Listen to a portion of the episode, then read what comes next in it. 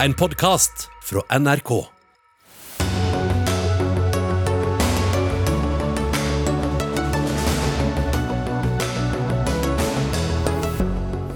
Sårede soldater og sivile er fortsatt innesperret i stålverket i den ukrainske byen Mariupol. Putin sier at ikke en flue skal få passere den russiske blokaden. Regjeringen vil ha jernbanen tilbake til NSB-monopolet, hevder Høyre, etter at samferdselsministeren sier at han ikke tror på regnestykket som sparer staten for milliarder. Storbritannias statsminister Boris Johnson skal granskes. Løy han for de folkevalgte da han forklarte om sin rolle i de ulovlige festene i statsministerboligen under pandemien? Og innstramningene i innleie av midlertidig arbeidskraft fra bemanningsbyråer rykker nærmere. Fagforeninger og arbeidsgivere er langt fra enige om hva som er klokest. Ja, da sier vi god torsdagskveld. Velkommen til Dagsnytt 18. Jeg heter Espen Aas. Vi starter sendingen med krigen i Ukraina. I dag hevdet Russland at de har tatt kontroll over den svært viktige havnebyen Mariupol. Men eh, minst 2000 ukrainske soldater, mange av dem sårede, befinner seg fortsatt i det etter hvert så mye omtalte stålverket i byen. Der skal det også oppholde seg rundt 1000 sivile ukrainere, som heller ikke slipper ut. Mer om det straks, men først til deg, reporter Eirik Veum. Eh, du og NRKs fotograf Lukman Gurbani har eh, kjørt fra Moldova og inn i Ukraina i dag. Dere er på vei til Dnipro. Hva har dere sett på veien inn i Ukraina? Nei, Vi merker jo at vi eh, kjører gjennom et land i krig. Og jo nærmere øst og, og frontlinjen vi kommer, jo Flere soldater eh, er det rundt omkring i eh, småbyene og i veikryss. Vi eh, møter hele tiden militære transporter som har stridsvogner, luftvern montert. Vi møter tropptransporter. Så vi ser jo at, at krigen nærmer seg jo lenger øst vi kommer. og og at Ukraina og ukrainerne forbereder seg på hva eventuelt som kommer østfra. Mm.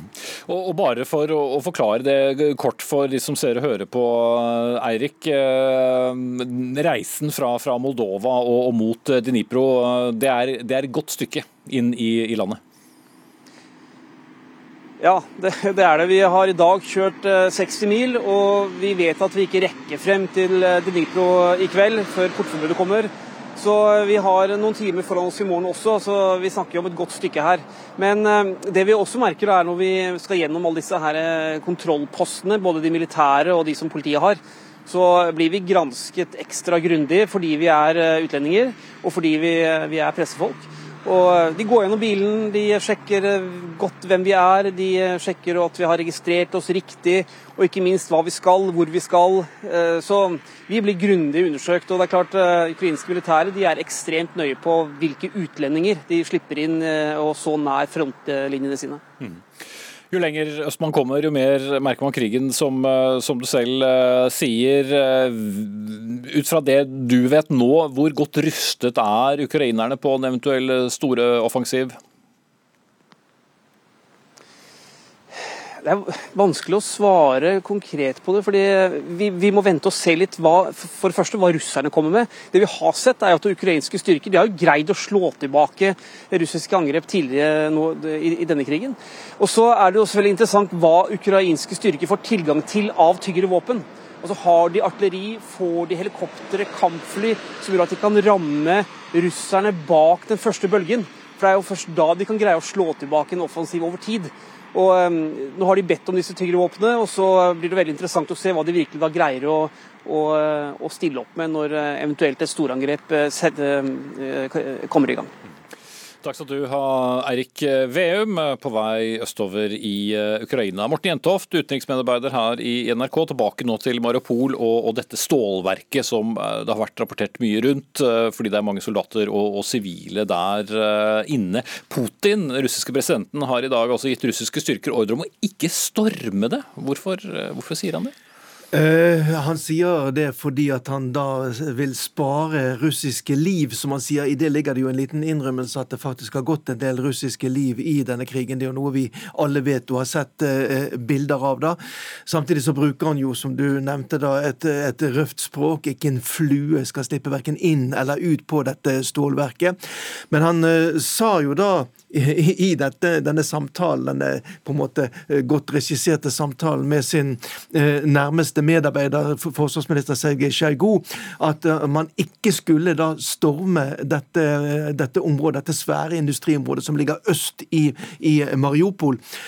Og, men meldingene nå i ettermiddag, bl.a. ifra en, en, rådgiver til, til, ordføreren i Mariupol, eh, Pjotr eh, Andrusjenko, eh, sier det at det ikke stemmer ikke det som Putin sier. Man forsøker allerede nå å storme det, dette anlegget. Det var jo også noe som vi så i et innslag som kom på TV i går kveld, der tsjetsjenske soldater sa at vi er klar til å storme dette anlegget her. Sånn at foreløpig så ser det i hvert fall ikke ut som Putins ordre har nådd frem til de soldatene soldatene som er rundt dette, dette gigantiske anlegget som ligger jo øst i, i, i, i Mariupol. Mm.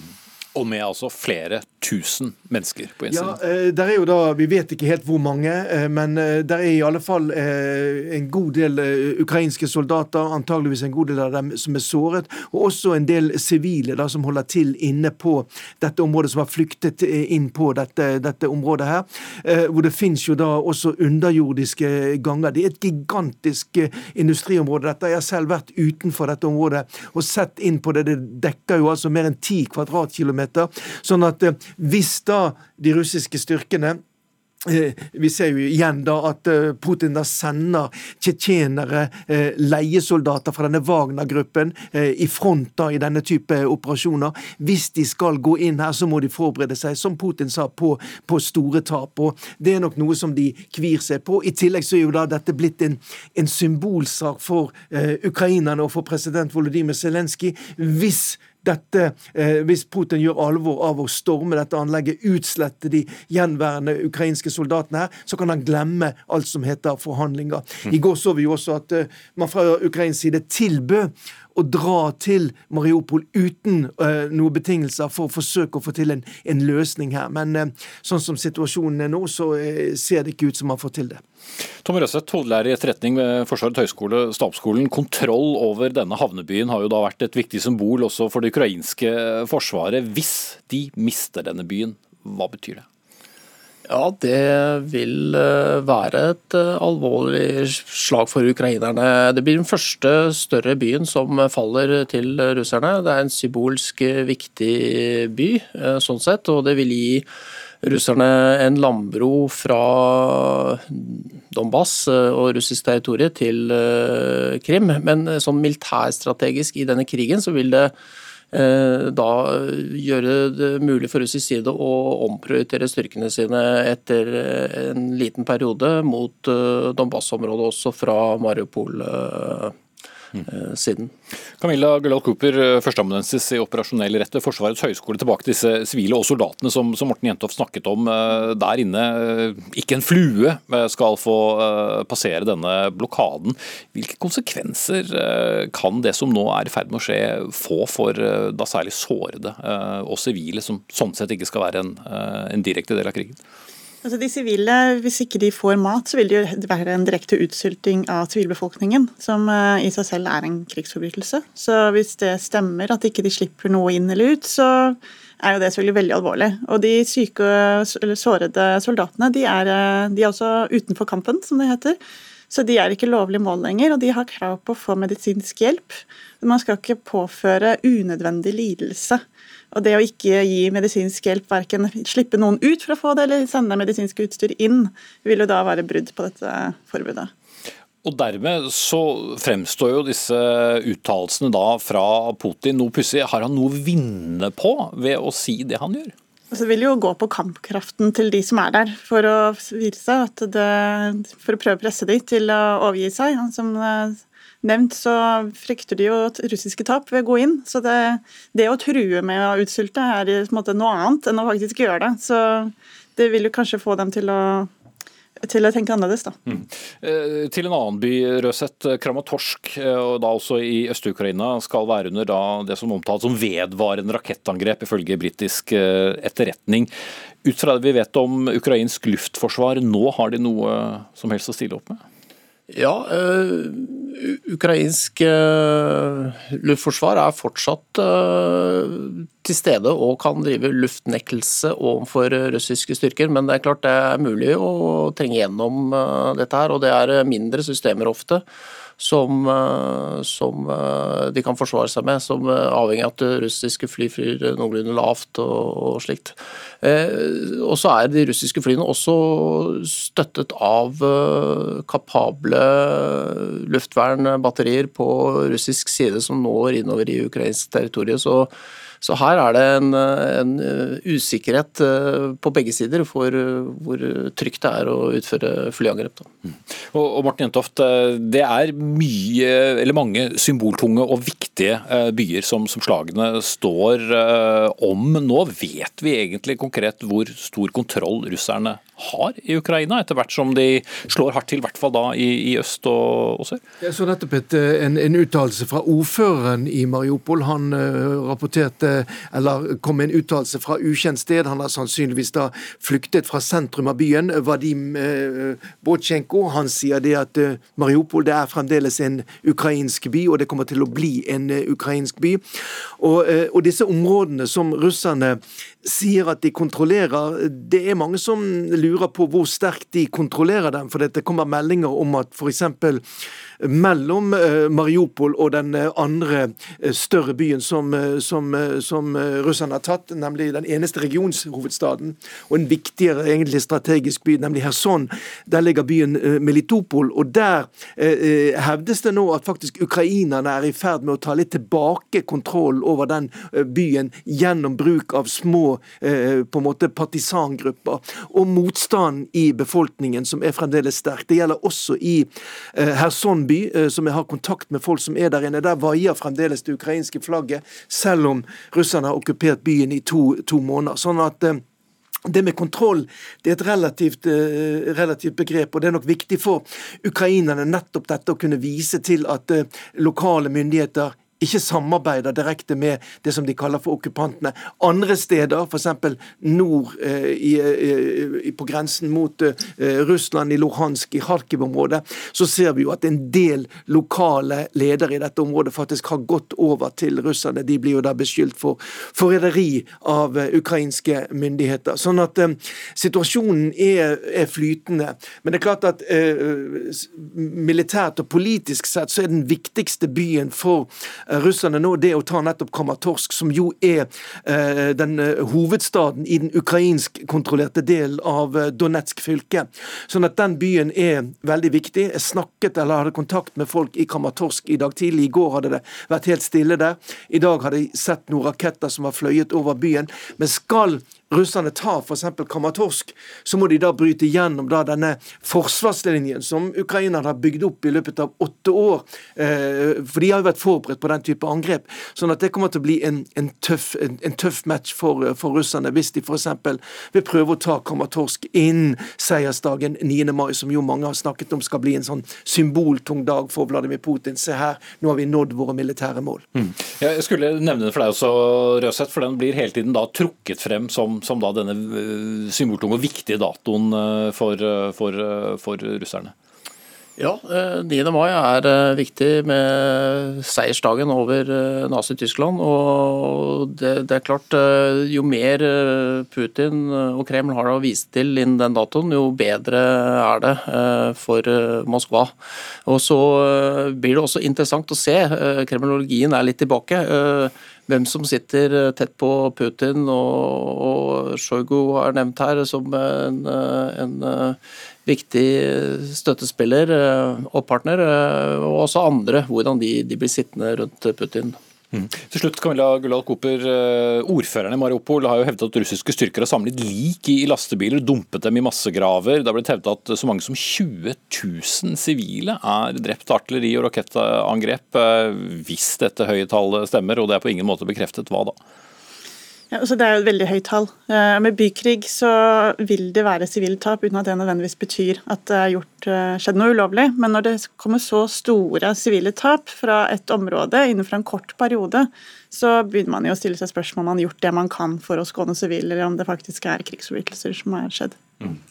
Men et antall alene uh, forteller ikke om Nei. man kan kalle det uh, krigsforbrytelser. Det gjør dessverre ikke det. Nei. Og jeg legger til at Det kom nettopp nå før jeg kom inn i studio meldinger om at man har via satellittbilder kunnet konstatere at uh, det er store massegraver i, i Mariupol. Så det er jo ingen tvil om at de sivile tapene og militære tapene i denne kampen om Mariupol de har vært enormt store. Jeg tror det er de største da under, under eh, krigen i, eh, i, eh, Ukraina så langt. Mm. Takk skal du ha, Morten Jentoft, utenriksmedarbeider her i NRK, Camilla Gullal Cooper ved Forsvarets høgskole og Tom Røseth ved Forsvarets høgskole.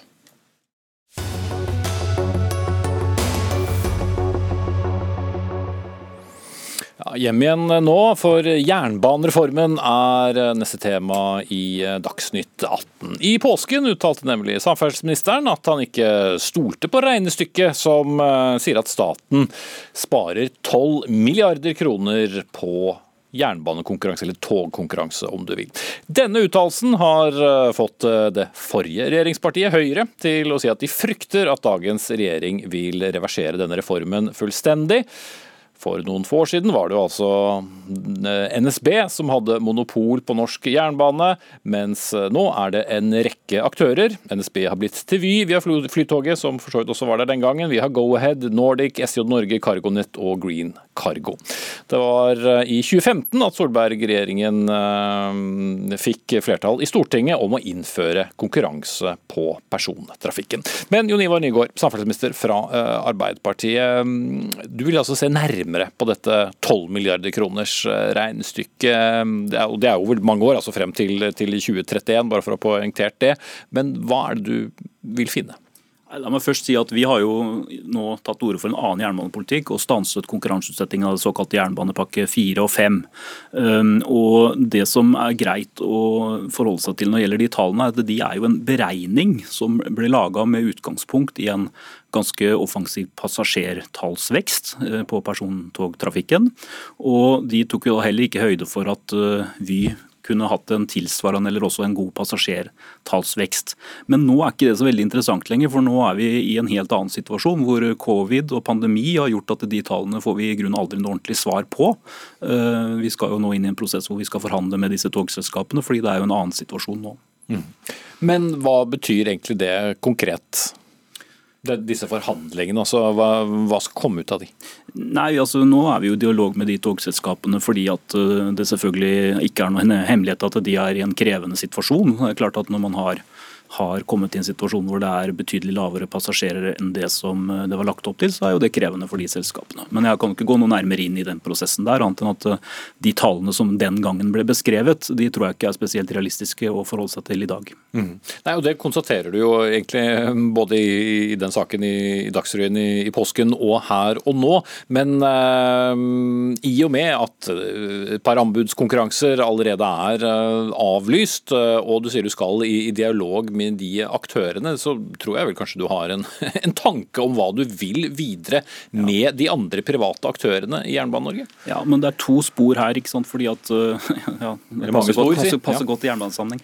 Nei, Poenget er jo at når vi nå skal inn i direktetildeling, så har jo ikke vi noen lavere forventninger til å kunne få ut effektivitet i den prosessen. Så vi tror jo at det er fullt mulig å få til gode avtaler, om det da blir Vy og Flytog eller, flyt, eller, eller Vy da, som får den direktetildelingen så mener jo vi at vi må ha en ambisjon om å ta ut effektivitet, sånn at vi skal få gode tjenester, gode togtilbud til brukerne, gode steder å jobbe for de ansatte, men også et effektivt togtilbud for staten og for fellesskapet. Trond Helleland, eh, stortingsrepresentant og samferdselspolitisk statsperson eh, i, i, Høyre. Du er vel sikkert enig i at eh, beregninger gjort for flere år siden ikke, ikke holder nå. Men hvordan tolker du det den nåværende samferdselsministeren er i gang med å gjøre? Nei, Jeg tolker det slik at han ønsker å avskaffe konkurranse og eh, gi passasjeren et holdt på å si, dårligere tilbud, dvs. Si et tilbud som ikke er utsatt for det nødvendige presset som konkurranse gir, på å gi et bedre tilbud til passasjerene. Eh, jernbanepakke 4, som det heter, eller Trafikkpakke 4, der fikk vi jo tallene i, i avisene om at Eh, det var forskjell på anbudene fra 9 til 15 milliarder mellom de ulike aktørene. Og det er klart Hvis Nygård setter seg ned på bakrommet og forhandler med Vy og kanskje Flytoget, så vil vi ikke få se de gevinstene, vi vil ikke få se hva som er besparelsene. Og Hele poenget med dette er jo punkt 1, å gi passasjerene et bedre tilbud. Punkt to, få mer ut av midlene i samferdselssektoren. Der vi nå hører at eh, statsministeren er i ferd med å avlyse flere mm. store samferdselsprosjekt. Men bare for å stille spørsmålet, da, er det gitt at det å spare penger er det samme som et bedre tilbud for passasjerene? Eh, nei, det er det ikke. Men eh, jeg tror de som tar Go-Ahead, som kjører Sørlandsbanen, eller SJ, altså svenske jernvegen, som kjører på Dovrebanen og Nordlandsbanen, ikke har opplevd noe dårligere tilbud. Tvert imot, de har et like godt eller bedre tilbud, og de er offensive. De kommer nye forslag til både komfort og rutetider og gode rabattordninger. Sånn at det er ikke gitt at det vi alltid har hatt, nemlig Eh, gamle NSB, som nå er Vy, er det eneste i verden som kan levere et godt togtilbud i mm. Norge. Skal vi, skal vi bare ta den påstanden der først, eh, Nygaard. Er er det tilbake til ett togselskap vi er på Nå har vi invitert de to tog, statlige togselskapene inn i en sånn prosess, for vi ønsker å få det beste ut av de to togselskapene. Men vårt poeng er jo nemlig at vi er opptatt av å få det beste togtilbudet til passasjerene. Og Hovedutfordringen med norsk jernbane er at det er fortsatt utfordringer med infrastrukturen, signalsystemer, det trengs utbygging, og det er man heldigvis godt i gang med, og det er det tverrpolitisk enighet om. Men det er ikke et etterspørsel etter flere togselskaper. Det er ikke det kundene ønsker seg. Og så har jeg lyst til å si at eh, Premissene til Helleland og Høyre innebærer jo at man på en måte må ha en sånn grunnleggende iboende tro på at det er bare konkurranse som kan fremme effektivitet. Mm. Det, har jeg, det, har ikke jeg, tro på. Og så er det viktig da å huske på at det er andre aktører som har fått dette til på en god måte. Mm. Sporveiene har uh, fulgt en helt annen modell, hvor de har hatt uh, en mer samla organisasjonsstruktur. Det er Oslo kommune da, eller fylkeskommunen som har hatt uh, hånd om dette. De konkurranseutsetter ikke, de har drift på innsiden, de har drift og vedlikehold, og de har alt i én organisasjon. og de har fått en fantastisk begrenset geografisk jo, område. Men spørsmålet En fantastisk reise når det gjelder da også ta ut effektivitet og innsparinger samtidig. Okay, men, men, spørsmålet, eh, som du absolutt ikke svarte på, var jo egentlig om du ville tilbake til en tid med ikke-private aktører. Du, vår jernbanepolitikk er jo veldig tydelig på at vi ønsket å stanse konkurranseutsettingen, og det har vi gjort. Og så har vi sagt når det gjelder de eh, togselskapene som er her og som har fått eh, avtaler, at vi har ingen intensjon om å kaste ut de fra de kontraktene. Vi forholder oss til de inngåtte kontraktene. Ok, Der fikk du kanskje et slags svar, Helleland? Nei, jeg gjorde ikke det. fordi Jeg har også et spørsmål. Når Nygaard sendte ut pressemelding om dette, så skrev han at det skal gjøre det enda, enda mer attraktivt for de reisende på Østlandet med å stoppe konkurransen. Og så mener vi at tydelig statlig styring er best for å oppnå dette. Og det er det jeg lurer litt på. Hvilken tydelig statlig styring er det som gir eh, togpendleren fra Sarpsborg og Drammen et bedre tilbud? Eh, vi har jo hatt tydelig statlig styring på jernbanesektoren i alle år fram til vår jernbanereform. Og det var ikke sånn at folk var superfornøyde. Det har vært i mange debatter. Jeg satt i transportkomiteen for 15 år siden òg, og da var jeg nesten i ukentlige debatter om det dårlige togtilbudet og pendlerne som raste. Så jeg, jeg må spørre, hvilken tydelig statlig styring er det Nygård nå mener skal skal gi eh, vind i seila for eh, de gamle statsmonopolene. Vær så god. Det er jo slik at Jernbanen er et veldig sammenvevd og komplisert system med begrensa kapasitet. Og Vi mener at det å ha statlige togselskaper som vi har styring med, er den beste måten å få tatt ut den kapasiteten. Og Vi kommer selvfølgelig til å ha tydelige krav også til Vy og eventuelt Flytoget om at de skal kunne forbedre tilbudet til brukerne. Så den ideen at det er bare gjennom konkurranse at man kan få, med, få til tilbudsforbedringer, den nekter jeg å akseptere. Jeg mener at det er en feilaktig premiss. Nygaard, det er jo sånn at eh, togsettet, altså de fysiske togene, eies av Norske Tog, som er et statlig selskap. Infrastrukturen Dvs. Si jernbanelegemet er Bane Nor som har hånd om. Dette er statlige selskap. og De statlige selskapene ønsker jo også å modernisere driften sin, bl.a. gjennom det som på fint heter porteføljestyring, for å gi bedre utbygging, mer effektiv utbygging. Så Det er ikke mangel på statlige aktører i denne bransjen. Poenget er at det kan være ulike, uh, ulike operatører som kjører toget, akkurat som det på Gardermoen er en utall flyselskap. Det er Avinor som står for driften, som har ansvaret for sikkerheten, men flyselskapene konkurrerer, og sånn kan det være på jernbane òg. Nå er det jo en helt annen modell i lufta, da, som jo er en eh, veldig liberalisert uh, marked, hvor du har uh, mye bedre tilgang på infrastruktur enn det man har på jernbane. Jernbane er veldig kapasitetsbegrensa, og det er en av forutsetningene som vi må legge til grunn her. Og så tror jeg Helleland er enig med meg at det som egentlig er hovedpoenget. Det er at toget må komme og gå når det skal. Det må være i rute. og Det handler mye mer om infrastruktur, signalanlegg og alt det som hører til rundt. og Der er vi ganske enige. Ingen er uh, uenig, faktisk. Så får vi se om vi ender opp med buss for jernbanereform her. Takk skal dere ha, begge to. Jon Ivar Nygaard, samferdselsminister fra Arbeiderpartiet, og Trond Helleland, stortingsrepresentant fra Høyre.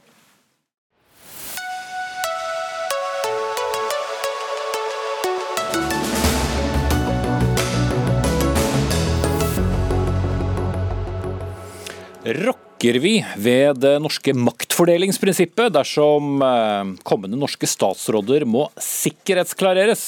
før de eventuelt tiltrer. Ja, spørsmålet har dukket opp i kjølvannet av eh, den plutselige avgangen til tidligere forsvarsminister Odd Roger Enoksen fra Senterpartiet i Palme helgen. Høyres stortingsrepresentant Mahmoud Farahman stilte dette spørsmålet, at eh, statsråder kanskje også bør sikkerhetsklareres, noe bl.a. ansatte i både Utenriksdepartementet og Forsvaret må. Men at eh, Nasjonal sikkerhetsmyndighet, som er de som foretar sikkerhetssjekker i Norge, skal sjekke potensielle statsråder, det mener du er feil. Eh, ansvarlig redaktør i Avisenes nyhetsbyrå, Kjell Werner, eh, hvorfor du skrev om dette i Dagsavisen i dag? Nei, Det er rett og slett fordi det rokker ved maktfordelingsprinsippet. Vi må holde rollene klare. Det er statsministerens oppgave å plukke statsråder.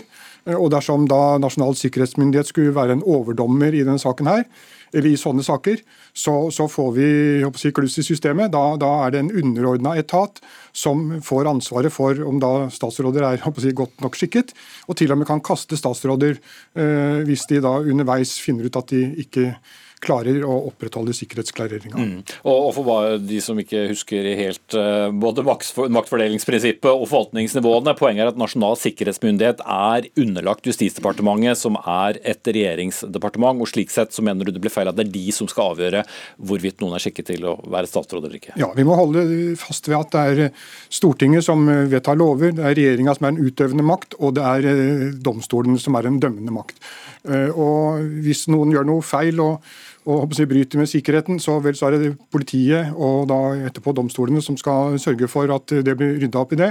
Og da må statsministeren stå ansvarlig overfor Stortinget hvis eh, han eller hun har utnevnt statsråder som ikke si, har eh, gått klar, den eh, greia her. Mm. Ja, Mahmoud Farahman, stortingsrepresentant fra Høyre. Det var du som tok til orde for denne debatten, da, i hvert fall får vi understreke i vårt land. Og, og vårt kjære Dagsnytt 18 tar nå eh, debatten. Men hvorfor kan ikke dagens forhåndsintervjuer som statsministerens kontor foreta, bare gjøres grundigere? Alle er vel enige om at de kanskje ikke var grundige nok i et par tilfeller? Det kan vi si. Jeg må oppklare en ting. Det er altså Statsministerens kontor, SMK, har også myndighet til å klarere. Så da er vi som klare på det. Det er flere statlige etater som gjør det.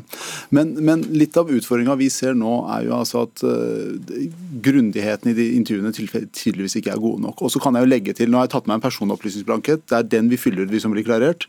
Uh, mange sier uh, det er jo ty altså, Fyller ut den her, så hadde en del av de tingene som har skjedd i siste, ikke kommet fram uansett. Men det er bevisstgjørende det gjør noe med individer som fyller ut dette. Jeg har vært klarering og altså klareringsansvarlig og autorisasjonsansvarlig i statlige og private, nære, private et, foretak og virksomheter. Og ser altså at bare for å fylle ut den her, så er det noe så at man blir bevisst visse ting. Så er det jo slik at det er ingen altså Vi må være klar over at ordføreren, han som har satt der tidligere har vært ordfører, han blir jo klarert. Eh, statssekretærene, de blir klarert. Ministerne, der har vi kun en samtale. Og så er det mulig å gi en person en ministerpost uten at vedkommende blir klarert, men ved at statsministeren sier at vet du hva, denne risikoen tar jeg. Så det er ikke svart-hvitt og helt uh, Jeg synes Litt av ditt retoriske poeng er at de som faktisk er underordnet en, en statsråd i et departement, altså statssekretæren, men som også ja. da er, er, politikere, de har en høyere sikkerhetsklarering faktisk ja. enn de som uh, utnevnes til statsråder. Ja, og så vil jeg jo tro at Hva angår Enoksen selv, så har jeg hatt en posisjon der han mest sannsynlig også har hatt en eller annen form for klarering. Og så er det klarering på flere nivåer. Vi har det laveste nivået som er begrensa, og så har vi konfidensielt, hemmelig og strengt hemmelig. Eh, og Det går an å gradere. at Det er basert på tilgang til informasjon eh, og installasjoner og systemer. Mm. Men, men, før vi vandrer helt av gårde i alle detaljene her, f.eks. Eh, en sak som Enoksen-saken. Hvorfor konkret ville en vanlig sikkerhetsklarering gjort at vedkommende da ikke nødvendigvis ble statsråd? Nei, altså Enoksen-saken altså Jeg ble jo intervjua og spurt om det, og, og, og det kan jeg si. Hvorvidt en hendelse, en situasjon, eh, er eh, si, eh, av en slik art som, som, medfører at folk i forklarering er også avhengig av om den kan misbrukes eller brukes av en statlig aktør til å presse deg. Det er vanskelig å uttale seg om det, men, men i den sammenhengen her. Samtidig så, så vil jeg si at selv om man fyller ut klareringsskjema og gjennomgår en prosess, så blir ikke resultatet bedre enn ærligheten og integriteten til vedkommende som sitter der og fyller ut og svarer på spørsmål. Mm, Nei, og Da er vi egentlig ganske enige om akkurat den biten av det. Eh, men jeg vil fortsatt holde fast på at vi må, må holde rollene og, og maktfordelinga veldig klar her. Eh, I dag er det sånn at eh, stortingsrepresentanter de blir ikke klarert. Mm. Eh, regjeringsmedlemmer blir ikke klarert, og heller ikke dommere i Høyesterett. Mm. Eh, hvis vi skulle følge logikken din, eh, så ville det bety egentlig etter min mening da, i hvert fall at også stortingsrepresentantene måtte klareres. Og Da er vi ordentlig ute å kjøre, for Stortinget de står til ansvar hvert fjerde år. Punktum. Det har, altså det, blir, det, er nesten umulig for en eh, stortingsrepresentant å bli fradømt sitt, uh, sitt verv. Som vi også har hatt saker på. Ja, også, la meg bare si dette her. En klarering er basert på tilgang til informasjon, objekter eller systemer. Man gir ikke en klarering for å gi en klarering. Det må være grunn til det. Det vil si at Visse ministre vil ikke trenge det. Sta, altså De som sitter på Stortinget, vi har ikke tilgang til gradert informasjon eller graderte systemer eller graderte anlegg. Det er også mulighet til å gi Eh, autorisasjon for visse typer informasjon på, på, lavere nivå. Så det er ikke svart-hvitt dette her, men, men, jeg tror den debatten må tas. For vi ser at viss, eh, visse utfordringer med våre høyeste politikers bevissthet rundt sikkerhet og, og, og de truslene som er rundt dem. Derfor så blir den debatten viktig. Mm. Ja, og gjerne ta debatten. Mm. Eh, men vi er tilbake til at prinsippet må på en måte ligge i, i, i bånn. Eh, og, og, og, da blir det feil å, å, å, tukle med det. Sånn som jeg da sier at Stortingsrepresentantene de, de sitter der. og de som sitter, men, men, de, de, de som sitter i da, en utvida utenrikskomité, de får greie på veldig mye som er topp hemmelig. Eh, i hvert fall, og da de er ikke klarert. Mm. Men, men, tilbake til statsrådene. Altså, vi har jo hatt to da, eh, statsrådavganger, som jo to statsråder har måttet gå av fordi informasjon har kommet til underveis under en, en, avsløring. Det forteller vel uansett at den jobben som har blitt gjort ved statsministerens kontor, og det er for så vidt også innrømmet, ikke har vært eh, hva skal vi si, optimal? Ja, det, og det er vi jo enige om. Og, og også Min motdebattant her sier jo da også at det, si, det militære og, og justissikkerhetsopplegget det, det, er heller ikke vanntett, fordi det bygger på tillit. Eh, og det er der vi egentlig er tilbake. Eh, statsministeren må sikre seg at de han plukker ut i, i, sin, i sin regjering, at de er tilliten verdig, og at de da også har Eh, tenkte gjennom at de, om de har noe i bagasjen som da kan skade både politikk, etikk og til og med sikkerhet. Mm. Så det letteste vil vel bare være at uh, statsministerens kontor lærte veldig mye av siste tid hendelser, og kanskje gløttet litt på de som utfører da sikkerhetssjekken? Det, det, er nok også viktig at vi har med oss altså, Det må gjøres noe drastisk der, det må, må styrkes betydelig. Men så er jeg tilbake til dette igjen disse hendelsene vi har sett, de hadde i seg selv ikke vært diskriminerende utelukkende for å få en klarering. fordi hvorvidt hendelsen kan brukes til å presse noen, er det som er det viktigste. Mm. Skal vi si det er sikkert. Mahmoud Farahman, stortingsrepresentant fra Høyre, og Kjell Werner, ansvarlig redaktør i Avisenes Nyhetsbyrå. Takk skal dere ha. Klokken er 18.33. Ble presidentvalget i Frankrike i realiteten avgjort i gårsdagens TV-duell med de to gjenværende kandidatene, eller ble det hele, hele stadig mer spennende? Vi skal analysere mot slutten av sendingen.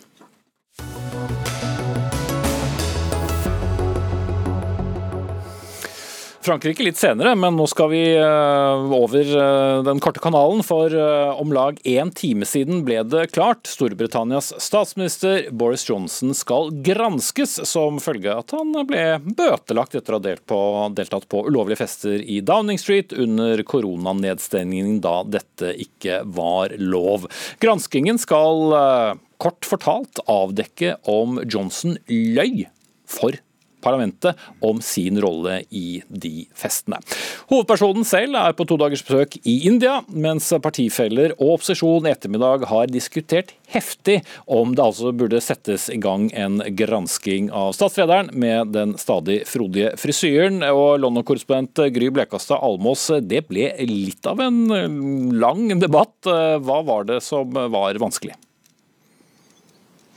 Det har vært nok en dramatisk dag i, britisk politikk i dag, som begynte med at regjeringen prøvde å utsette hele denne avstemningen, men så, så snudde den. Og eh, i tillegg så ga den eh, sine konservative politikere en fri stemme, altså at det ikke skal styres av det ønsket det konservative partiet og ledelsen da har eh, for at dette ikke skulle bli noe granskning. Eh, og så fulgte en mange timer lang debatt med eh, sterk ordbruk og sterke karakteristikker av Boris Johnson og eh, det han eh, har gjort. Og så endte det altså med en Eh, et vedtak om at det skal bli en parlamentsgranskning av eh, om han har ført parlamentet bak eh, lyset. Og Det vedtaket kom ved at det bare ble spurt ut i salen hvem som støttet og hvem som var imot, og, og da var det ingen som hevet stemmen sin da det ble spørsmål om hvem som var imot denne granskningen. Så Det betyr jo da at vi ikke får vite hvor mange av de konservative politikerne som er imot statsministeren statsministeren, eller som ville ha stemt imot Boris Johnsons ønsker da, i denne saken. Og sparte seg selv sikkert veldig mye tid, i og med at slike avstemninger skjer eh, med håndskrevne lapper. Men eh, Gry Blekkastad Almås, dette var jo da et forslag som kom fra opposisjonspartiet Labour.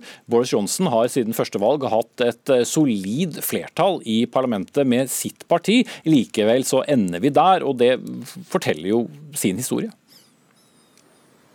Ja, Det er klart at det er mange konservative politikere i parlamentet som nå går i seg sjøl og i sin samvittighet, fordi dette er en kjempevanskelig sak. Det handler jo ikke bare om Boris Johnson og hans eh, person, dette handler om troverdigheten til det konservative partiet. Det handler også om tilliten til det politiske system og demokratiet eh, som sådan. Og eh, Meningsmålinger viser jo at det konservative partiet har eh, falt eh, siden Partygate ble et tema, eh, og også spørreundersøkelser viser viser jo at et stort flertall av befolkningen mener statsministeren er en, en løgner og forbinder negative ting med ham. Så det er klart Dette er en veldig vanskelig sak for mange eh, konservative politikere i parlamentet. og Det er jo de som sitter med nøklene her på hvorvidt Boris Johnson får fortsette eller ikke. Og I dag var det nok én av dem som eh, uttrykte sin mistillit til Boris Johnson, altså som, som ønsker at han skal gå av. Eh, og Hvis mange nok av dem gjør det, så er er det de som kan eh, avsette statsministeren, og ikke den granskningen. Eh, det kan komme sterke reaksjoner også hvis han blir tatt i løgn eh, av den komiteen da, som skal granske ham, men det er hans egne partifeller som er de som kan avsette ham som statsminister. Yngve Kvistad, kommentator i VG, du følger britisk politikk tett. Ja, Boris Johnson har jo sagt unnskyld og sagt unnskyld, men det hjelper ikke så mye?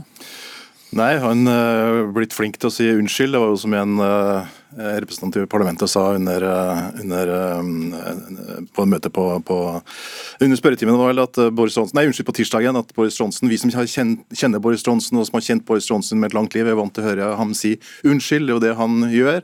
Han roter seg jo stadig vekk inn i situasjoner der han må si unnskyld. Men den som har vært noe det siste denne uka her, altså det Boris-showet i, i, i Underhuset denne uka her, det er Altså Det overgår mye av det jeg har sett. Altså, jeg har fulgt britisk politikk eh, tett siden 1992. og Det som har vært i eh, Underhuset eh, uka her, Det er noe av det mest dramatiske jeg har sett. Altså, både da Boris Johnson kom til Underhuset på, på, tirsdag, og første gangen etter at de var uh, samlet til påske og skulle si unnskyld, spørretimen på onsdag, og så denne dramatiske utviklinga her i dag. I går ettermiddag så fremma Arbeiderpartiet, et, uh, altså britiske Labour, et forslag som uh, så an til å gå gjennom. Det var så spissfindig formulert at det var veldig vanskelig for de konservative å stemme mot det. Eller, eller altså det var sånn damn if you do and damn if you don't. Det ble gærent uansett. Så svarte Downing Street sent i går kveld med at de ville bruke partipisken med overfor et nytt forslag som da gikk ut på å utsette uh, en, en granskingskommisjon til etter noen av de to andre granskingskommisjonene var ferdig, altså den som da Scotland Yard uh, holder på med og den som Sue Gray uh,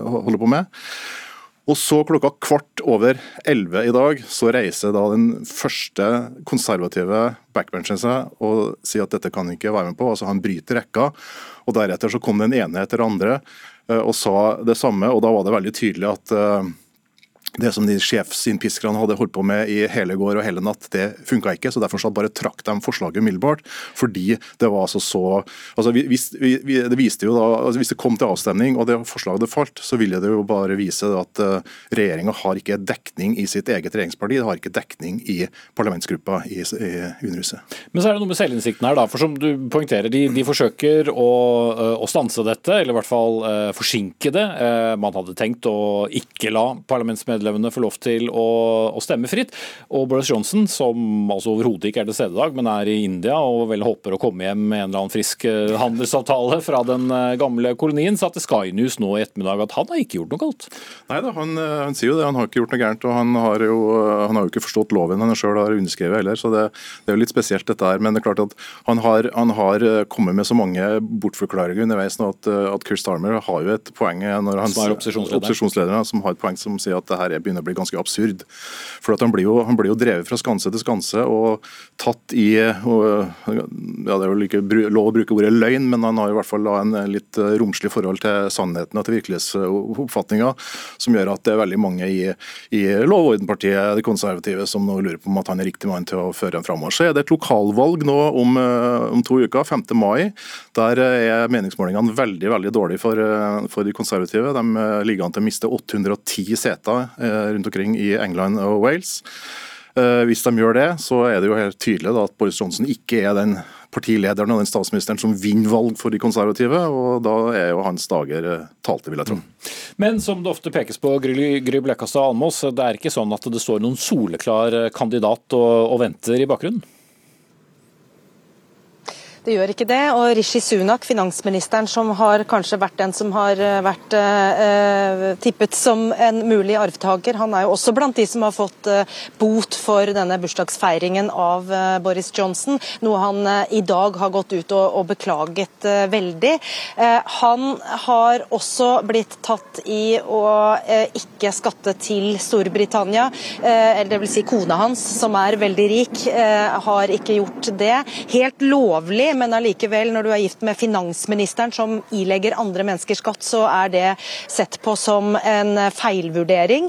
Eh, og han er også blitt tatt i å ha beholdt eh, oppholdstillatelse i USA, mens han har hatt eh, da høytstående politiske verv i Storbritannia. Også en feilvurdering, mener mange, noe som gjør at han nå de siste par ukene har blitt en mindre sannsynlig arvtaker. og det er står ikke andre på rekke og rad. Liz Truss, utenriksministeren, er en annen som nevnes, men hun anses som ikke å være den store stemmesankeren. og Det har jo vært Boris Johnsons virkelig store eh, fordel og styrke som politiker. Han har klart å få folk med seg eh, for å stemme på det konservative partiet.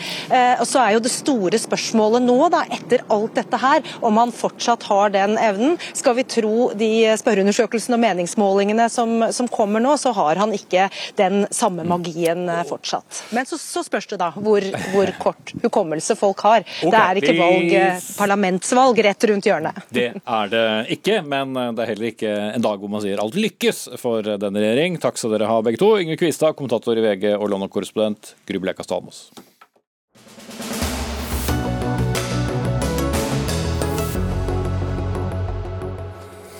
Etter flere måneder med debatter, ikke minst her i Dagsnytt 18, og høring, skal regjeringen eh, om kort bestemme seg for hvordan den skal slå ned på det den kaller for useriøse bemanningsforetak. Dette skal bl.a. løses gjennom endringer i arbeidsmiljøloven og oppheve muligheten til innleie av arbeid som har såkalt midlertidig karakter. Dette gjelder alle bransjer, men vi skal eh, innom én nå. Steinar Krokstad, nestleder i Fellesforbundet forbundet, som organiserer da mange anleggsarbeidere. Du støtter regjeringens forslag. Men hva skal man forstå ut fra bruken av arbeidskraft av midlertidig karakter? Altså det er jo to muligheter han har. De som, Virksomhetene som ikke har tariffavtale med oss, de, de har den adgangen i loven i dag. Og så er det de som har tariffavtale med oss, de, de kan avtale gjennom tillitsvalgte. Så den store innstramminga den kommer der, der virksomhetene ikke har en tariffavtale. Og Med det så mener jeg at den slår flere fluer i en smekk. Det ene er å styrke det organiserte arbeidslivet. Øke grunnbemanninga i bedriftene, som har vært altfor lav etter at vi starta med innleie. Men også i summen av det igjen så styrker seriøsiteten. Jørgen eh, Legard, direktør for samfunnspolitikk i Byggenæringens eh, landsforening. Eh, du er jo ikke invitert her fordi du er helt enig, for du synes at dette forslaget er ganske dårlig utformet. Hva er det som er galt? Vi tror at det er feil medisin, rett og slett. Og det treffer ikke. Våre undersøkelser og Fafos undersøkelser viser at innleie går ned i byggenæringen. Andelen fast ansatte går opp. Eh, regjeringen og eller Stortinget vedtok innstramming i adgang til innleie i 2019. I 2020 så fikk Arbeidstilsynet hjemmel for å føre tilsyn med utleiebedriftene eller bemanningsforetakene. Eh, og vi mener dette gir resultater. Med andre ord færre innleide og mer eller økt grunnbemanning. Mm. Men, men, du bruker da ordet feil medisin, og hvis du skal fortsette det bildet, da. Man medisinerer vel heller ikke noe som ikke trenger medisin? For helt godkjent stempel vil vel heller ikke du sette på bransjen, kanskje? Nei, eh, absolutt ikke. Vi har altfor mange i byggenæringen, eller vi har aktører i byggenæringen som ikke følger reglene, som ikke følger spillereglene, og som eh, ikke behandler folk skikkelig. Men den seriøse næringen kan ikke ta ansvaret for de aktørene. Det må politiet gjøre, tilsynsmyndighetene gjøre, og myndighetene ellers ta affære på. Men Hvordan går dette utover da det du kaller den seriøse delen eh, av, av næringen, hvis målet fra for så vidt av fagforeningen, da, men først og fremst regjeringen, er uh, å gjøre det bedre i arbeidsmarkedet? Hva, hva taper man på det? Det vi taper på er en fleksibilitet som bedriftene har behov for, fordi de lever i et prosjektmarked. Jobbene kommer og går. Du regner på flere jobber enn du normalt sett tror du får. Hvis du plutselig får mange av de, så har du av og til behov for litt mer bemanning enn du selv har ansatt. Eh, prosjektene kan få tilleggsoppgaver, eller i prosjektene får du tilleggsoppgaver som skal løses. Du må kanskje utføre flere jobber, du må utføre de raskere.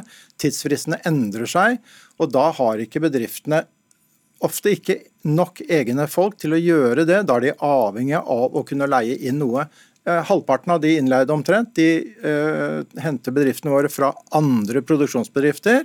Mens resten henter de fra bemanningsforetak. Mm. Ja, eh, Krokstad fra Fellesforbundet, ønsker man da i stedet at man skal ha eh, veldig mange fast ansatte? Altså som skal ansettes, som så må settes på, på porten når det blir dårlige tider, eller når det er eh, svingninger i markedet? Først vil Jeg si at jeg jobba jo over 20 år i byggebransjen før det ble adgang til å leie inn. Eh, og det gikk helt greit, det òg. Eh, det var svingninger, men vi klarte altså å håndtere det. Eh, byggene jo, men ble... Håndteringen ble jo også at du, du, ble, du, var jo ikke ansatt gjennom perioder med nedgang? Jo da. Jo da. Det, det, svingte jo litt, selvfølgelig. Men vi har jo et system her i Norge som skal ta hånd om det der, bl.a. adgangen til å permittere som da hvor staten tar litt av regninga, arbeidsgiverne tar litt av regninga, så de enkelte må også ta litt av regninga. Så vi har jo et system for det her. Det vi har sett etter at adgangen til å leie inn kom, er jo at de systematisk, selv om det er variasjon mellom bedriftene, systematisk har bygd ned grunnbemanninga. Sånn at det er jo ikke sånn at du leier inn for å ta toppene lenger. Altså, innleie er en del av den permanente bemanninga, og da har det gått altfor langt.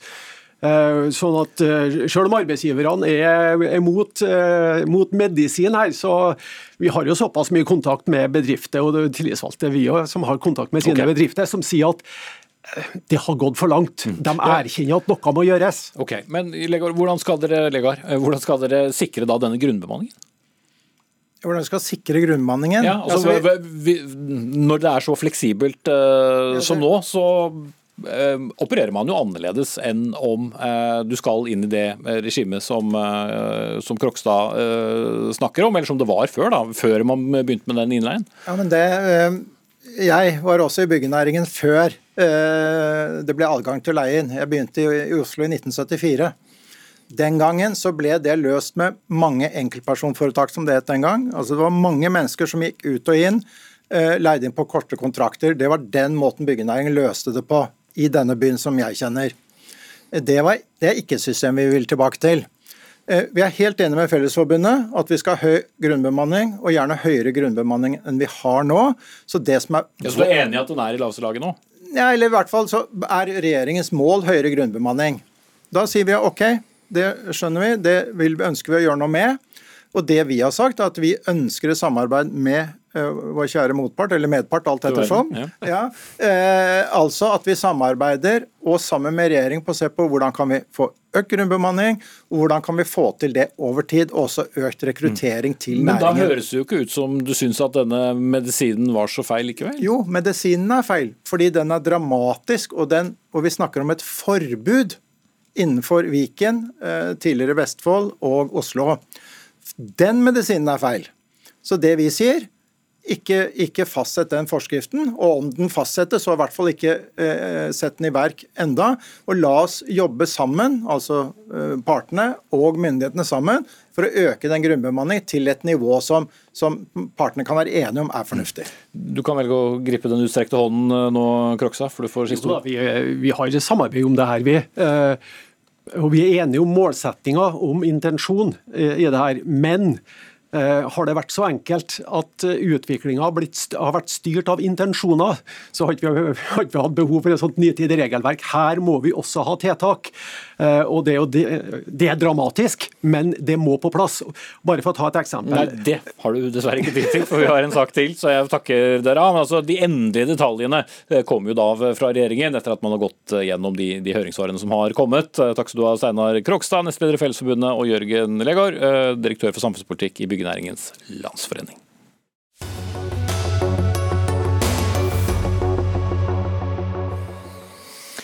Om bare noen få dager, altså på søndag, avgjør franskmennene hvem som er landets neste president. Og gårsdagens mye omtalte TV-duell mellom de to gjenværende presidentkandidatene utfordrer Marine Le Pen og sittende Emmanuel Macron kan ha kanskje fått mange til å endelig bestemme seg for eh, sin kandidat. Disse presidentduellene har iallfall ofte vært toneangivende for hvordan det går i den andre runden av valget, som man gjerne må igjennom. Simen Ekern, europakorrespondent, du er med oss fra eh, Paris. Eh, Hvordan synes franskmennene duellen gikk denne gang? Er en ganske utbredt oppfatning eh, om at Emmanuel Macron vant denne duellen. Ikke like knusende som for fem år siden, riktignok, men eh, han tok eh, seieren mye pga. at mange franskmenn mener han var eh, mest overbevisende og, og faglig mer eh, sterk enn Marine Le Pen, selv om mange mente at han var eh, arrogant, og det kan bli et problem. Et problem kan jo også bli at mange nå anser dette som eh, ferdig, og at velgere som ikke i utgangspunktet er særlig begeistret for Emmanuel Macron, ikke gidder å gå til stemmeurnene på søndag. Det er et scenario som hans rådgivere har vært bekymret for i ukevis allerede. For noen av målingene før denne duellen og etter første valgrunde kunne jo tyde på ganske tett mellom eh, de to eh, kandidatene. Og hvis mange da lar være å stemme, så, ja, så har vi med disse målingene uansett liten verdi.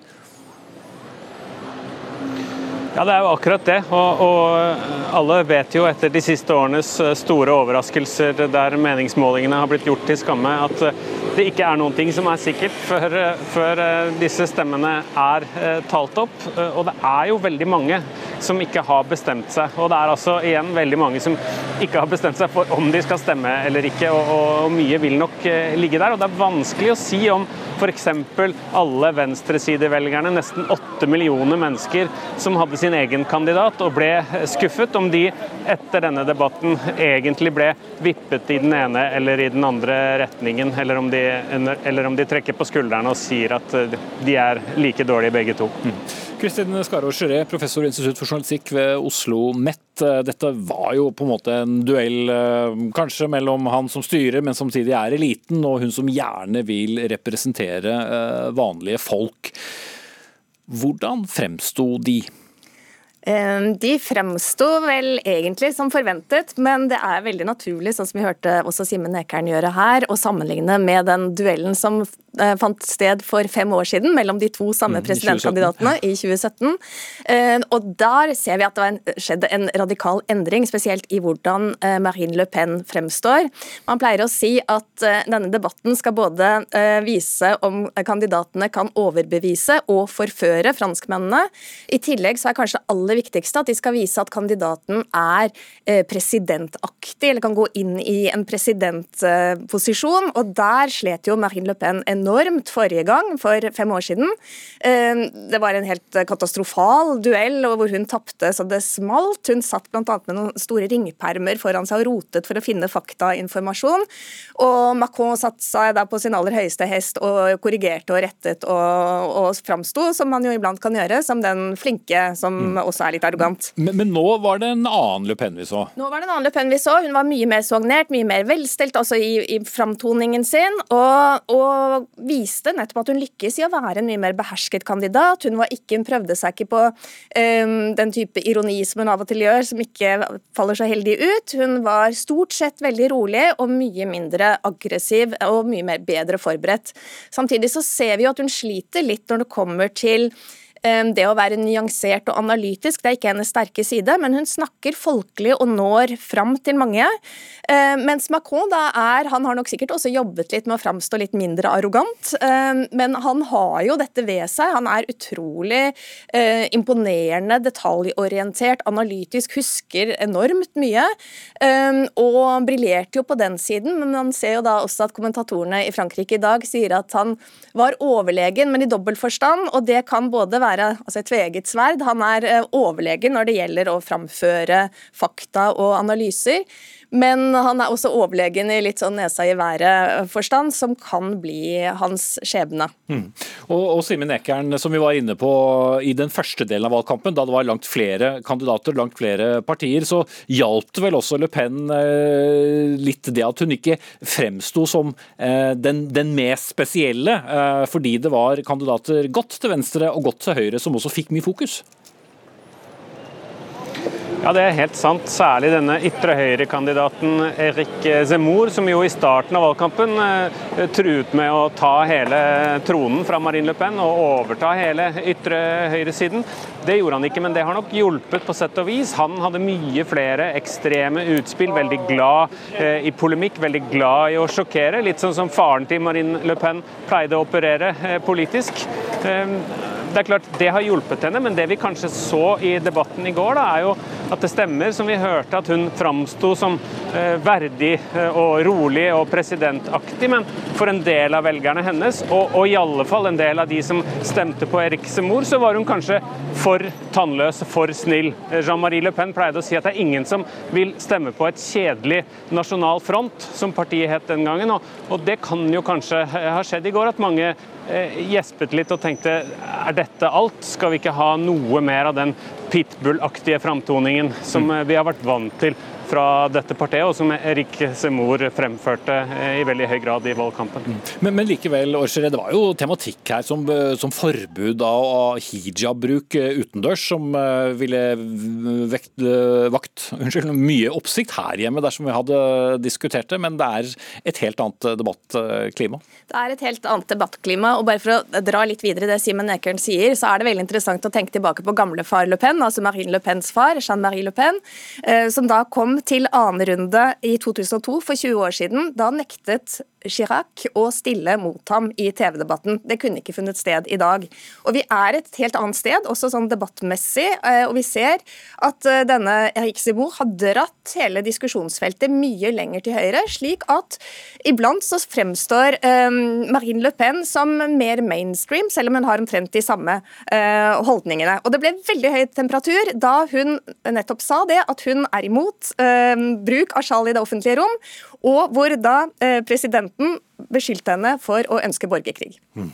Kristin Skare-Orgeret fra Oslo OsloMet og vår egen korrespondent i Paris, Simen Ekern, takk skal begge to ha. Vi er ved veis ende i Dagsnytt 18. Gro Arneberg hadde ansvar for innholdet. Lisbeth Sellereite det tekniske. Jeg heter Espen Aas. I morgen er kollega Lilla Sølesvik tilbake med ny og fersk sending. Takk for i dag.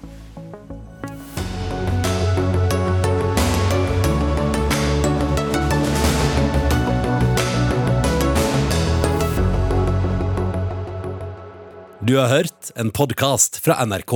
Hør flere podkaster og din favorittkanal i appen NRK Radio.